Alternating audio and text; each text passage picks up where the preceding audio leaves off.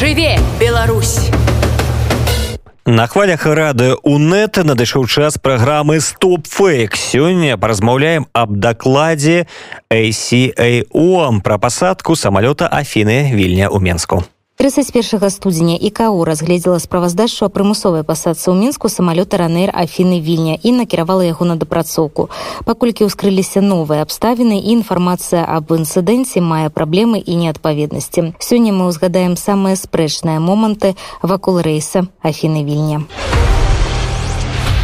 і спачатку храналогія падзей 23 траўня 21 года рэйс афіны вільня быў прымусова пасажаны ў мінску паколькі было паведамленне аб выбуховым прыстасаванні на борце аднак высветлілася што на гэтым самалёце які прылятаў на тэрыторыі беларусі былі сузаснавальнік нехты і вядомы блогер роман пратасевіш яго дзяўчына соф'я сапега пасля прызямлення ў мінску яны былі ўзяты под варту і зараз ім прад'яўлены абвінавачванне соф'і пагражае па артыкуле распальвання нянавісці да 6 10 гадоў турмы паводле данных следчага камітэта роману пратасевішу прад'яўлены абвінавачванні па арганізацыі падрыхтоўцы дзеянняў што груба парушаюць грамадскі парадак масавыя беспарадкі а таксама распальванне расавай нацыянальнай рэлігійнай альбо іншай сацыяльнай варожасці што дакладна будзе з романом пратасевішам пакуль невядома паколькі беларускія ўлады вырашылі выкарыстаць яго на ўсю моц спачатку дэманстравалі на прэс-канферэнцыях а некалькі тыдняў таму высветлілася што пратасевіш стаў праваабаронцам у прарэжымным цэнтры сістэмы сістэмная праваабарона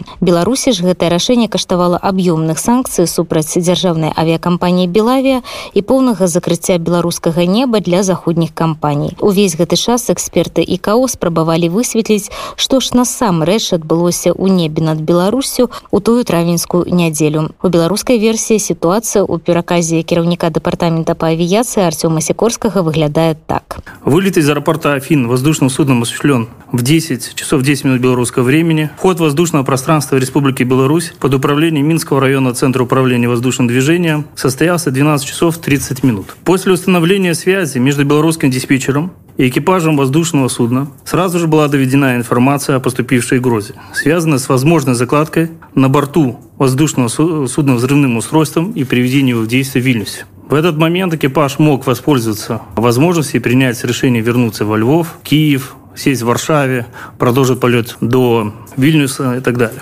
12 часов 34 минуты диспетчерам было предложено воспользоваться услугами национального аэропорта Минск. Экипаж несколько раз уточнял источники получения информации, ему было сообщено, что первичная информация поступила в национальный аэропорт Минск. До этого руководитель полетов Минского района Центра управления воздушным движением несколько раз пытался дозвониться до представительства компании Ryanair в Литве, но связаться с кем-либо из представителей компании у него не получилось. После получения и уточнения информации экипаж рейса Форстед Ромео 4978 в 12.47 белорусского времени установил на, на борту самолета код ответчика 7720, указывающий на наличие аварийной ситуации, и в радиотелефонном режиме запросил помощи установленной фразы «Мэйдэй». После этого экипаж сообщил, что принял решение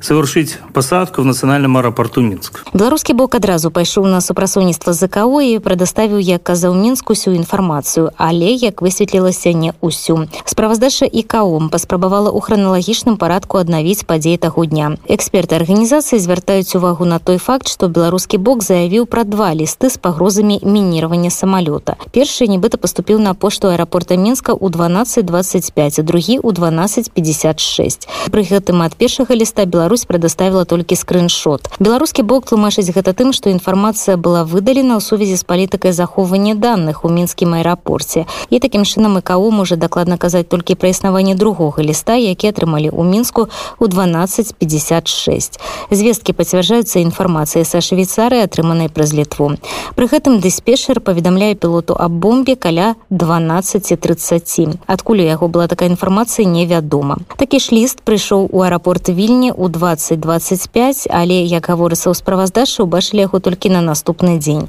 аналагічныя лісты атрымалі аэрапорты Сафіі у 1227 і бухарэста ў 1228 паведамленне аб мініраванні адпраўляліся ў кіў і афіны але туды яны не дайшлі але менавіта факт атрымання першага ліста як лічыць аўтары дакладу ікао з'яўляецца ключавым для абгрунтавання кантактаў наземнай службы з экіпажам каб паведаміць аб пагрозе па словах галоўнага рэдактара расійскага портала патлумачала авіакропка.ру романа гусарова лёсам гэтага ліста павінна займацца спецслужбы а не эксперты по грамадзянской авіяции было ли это письмо не было ли оно инспирировано сфальсифицировано и так далее но это уже часть расследования не относится к авиационной э, безопасности и не является расследованием частью расследования ИКАО. Здесь должны подключаться следственные органы, прокуратура, полиция и так далее. И, наверное, может, хоть Интерпол, как говорится.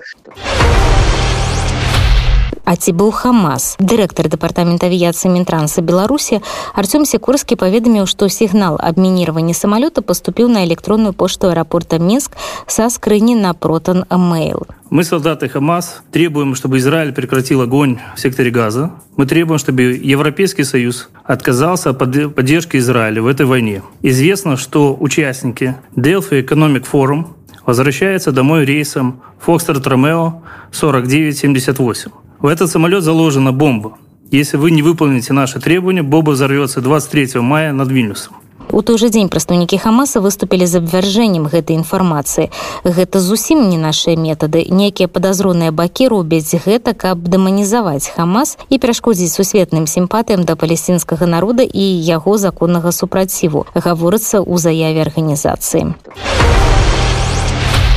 дыспетчер групе якая займалася даследаваннем інцыдэнту так і не ўдалося паразмаўляць з дыспетчерам які вёў перамовы з экіпажам бо улады беларусі просто не ведалі дзе ён знаходзіцца. Але ў снежні 21 -го года авіядыспетчер мінскага аэрапорта олег галегаў які у маі якраз пасадзіў самалёт кампаніі ранер знайшоўся у польшчы. І высветлілася што ён супрацоўнічае з еўрапейскімі спецслужбамі. Улетку галегаў нелегальна перасёк беларуска-польскую мяжу і звязаўся з амерыканскай амбасадай у варшаве там яго накіравалі да польскіх улад афіцыйны прадстаўнік міністра каардынатара польскіх спецслужбаў станіслав жарын паведаміў што польскім уладам удалося атрымаць інфармацыю ад прамога сведкі пасадкі самалёта ранейр на дыспешерскай вышцы па яго словах там знаходзіўся афіцер кДб які кантраляваў дзеянні дыспешера жарын дадаў што офіцер увесь час размаўляў па тэлефоне і паведамляў камусьці пра тое што адбываецца з лайнерам у беларусі інфармацыю польскай пракуратуры назвалі укідам а спасылкі на паказанні дыспешера дыспетчера інтэрпрэтацыі яго слоў а не самімі словамі тым не менш артём сікорскі пацвердзіў што такі дыспетчер насамрэч працаваў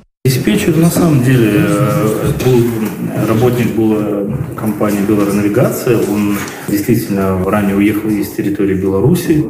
Никто ему не препятствовал уехать с территории Беларуси, это важно отметить. И вы понимаете, что человек, находясь на территории иностранного государства, при оказании определенного давления на него, он может согласиться на те или иные виды там, сотрудничества, потому что ну, это давление может оказывать. ці быў знішчальнік мег 29 першапачаткова была інфармацыя што знішчальнік прымусіў пілотаў рэйсу афіны вільня сесці ў мінску і суправаджаў іх да аэрапорта мінск 2 сам лукашенко праз некалькі дзён пасля інцыдэнту патлумачыў неабходнасць падняць мег 29 для суправаджэння борта ранейр дело не только не столько в этом истребителе который был поднят абсолютно по всем правилам в районе полетов расположена белорусская атомная станция Вблизи ее и произошел разворот этого самолета. По словах камандуючага военно-паветранымі сіламі і войскамі супрацьпаветранай абароны ўзброеных сил Беларусі Ігора Голуба інфармацыя пра тое, што грамадзянскае паветранае судна было прымушана да пасадкі дзеяннямі дзяжурнага экіпажа, які ўваходзіць у склад военно-паветраных сил і войскаў супрацьпаветранай абароны была інфармацыйным укідам. Але знішчальнік усё ж таки быў. В средствах массовой информации появились информационные вбросы, что гражданское воздушное судно было принуждено к посадке действиями дежурного экипажа, входящего в состав военно-воздушных сил и войск обороны Республики Беларусь. Именно МиГ-29. Команда и код ответчика были включены в 12 часов 47 минут. Белорусского времени оно и соответствует и московскому времени. 12 часов 47 минут. Оперативному дежурному Центрального командного пункта военно-воздушных сил и войск противовоздушной обороны Команда от диспетчера аэропорта Минск-2 поступила в 12 часов 48 минут. Ровно через минуту после того, как командир экипажа принял решение возвращаться на аэродром Минск-2. После соответствующих процедур, согласований, мной было принято решение 12 часов 58 минут дать команду дежурному экипажу в воздух. Дежурный экипаж в соответствии с требованиями руководящих документов и нормативом по времени нахождения в готовности номер один произвел взлет 13 часов 0,4 минуты. В это время воздушное судно, на котором было включено сигнал Mayday, уже находилось э, в районе населенного пункта Столбцов. То есть, еще раз повторяю, 13 часов 04 минуты экипаж только оторвал колеса от взлетно-посадочной полосы. То есть, ни о каком заранее э, принуждении на разворот воздушного судна возле государственной границы Республики Беларусь, как прошла информация в различных, так скажем, источников, ее не было. В 13 часов 18 минут мы получили информацию от диспетчера Минск-2 о том, что благополучно Боинг 737 ирландская авиакомпания совершил посад в аэропорту Минск-2. После этого дежурный экипаж, который находился в это время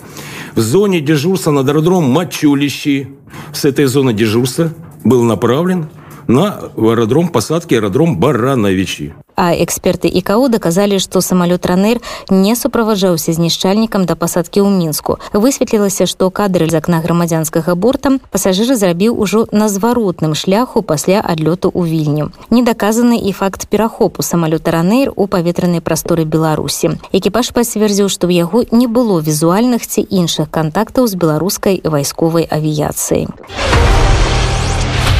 і апошнія навіны пра гэты рэйс чатыры чалавекі з бел аэранавігацыі кДб абвінавачваюцца уладамі ЗША у змове з мэтай авіяперацтвам пасадкі самалёта ранейр на борце былі грамадзяне ЗША і ў федэральны акруговы суд паўднёвай акругі нью-йорка было пададзена абвінаваўчае заключэнне супраць чатырох грамадзян беларусі і такім чынам абвінавачванні прад'яўлены гендырэктару бел аэранавігацыі леоніду чуром яго намесніку олегу казюшасу а таксама двум супрацоўнікам кДб беларусі чые прозвішчы не невядомыя. Абвінавачанне лічыць што гэтыя асобы ажыццявілі старанна распрацаваную схему інсцэніроўкі пагрозы выбуху якая прымусіла самалёт здзейсніць экстранную пасадку ў мінску каб яны маглі арыштаваць журналіста дысідэнта таксама літвам попрасіла міжнародную арганізацыю грамадзянскай авіяцыі удакладніць справаздачу аб незаконных дзеянняў улад беларусі у дачыненні да паветранага судна ранейр у сувязі з дадатковай інфармацыяй аб інцыдэнце прадстаўленай польшчай. Пра гэта ў панядзелак заявіў заявіў міністр камунікацыі і транспарту літвы марус коодзіс паводле яго слоў інфармацыя якую мае польша прымушае перагледзець паслядоўнасць падзей бо спачатку было прынята рашэнне аб пасадцы самалёта ў мінску а потым пачалі паступаць сігналы аб бомбе на борце сказаў скоодзіс а Мы працягваем сашыць як разгортваюцца падзеі вакол гэтага рэйса раннер на сёння я ольга сямашка з вами развітваюся. Чытайце глядзіце і слухайце толькі правераныя крыніцы інфармацыі. Живе,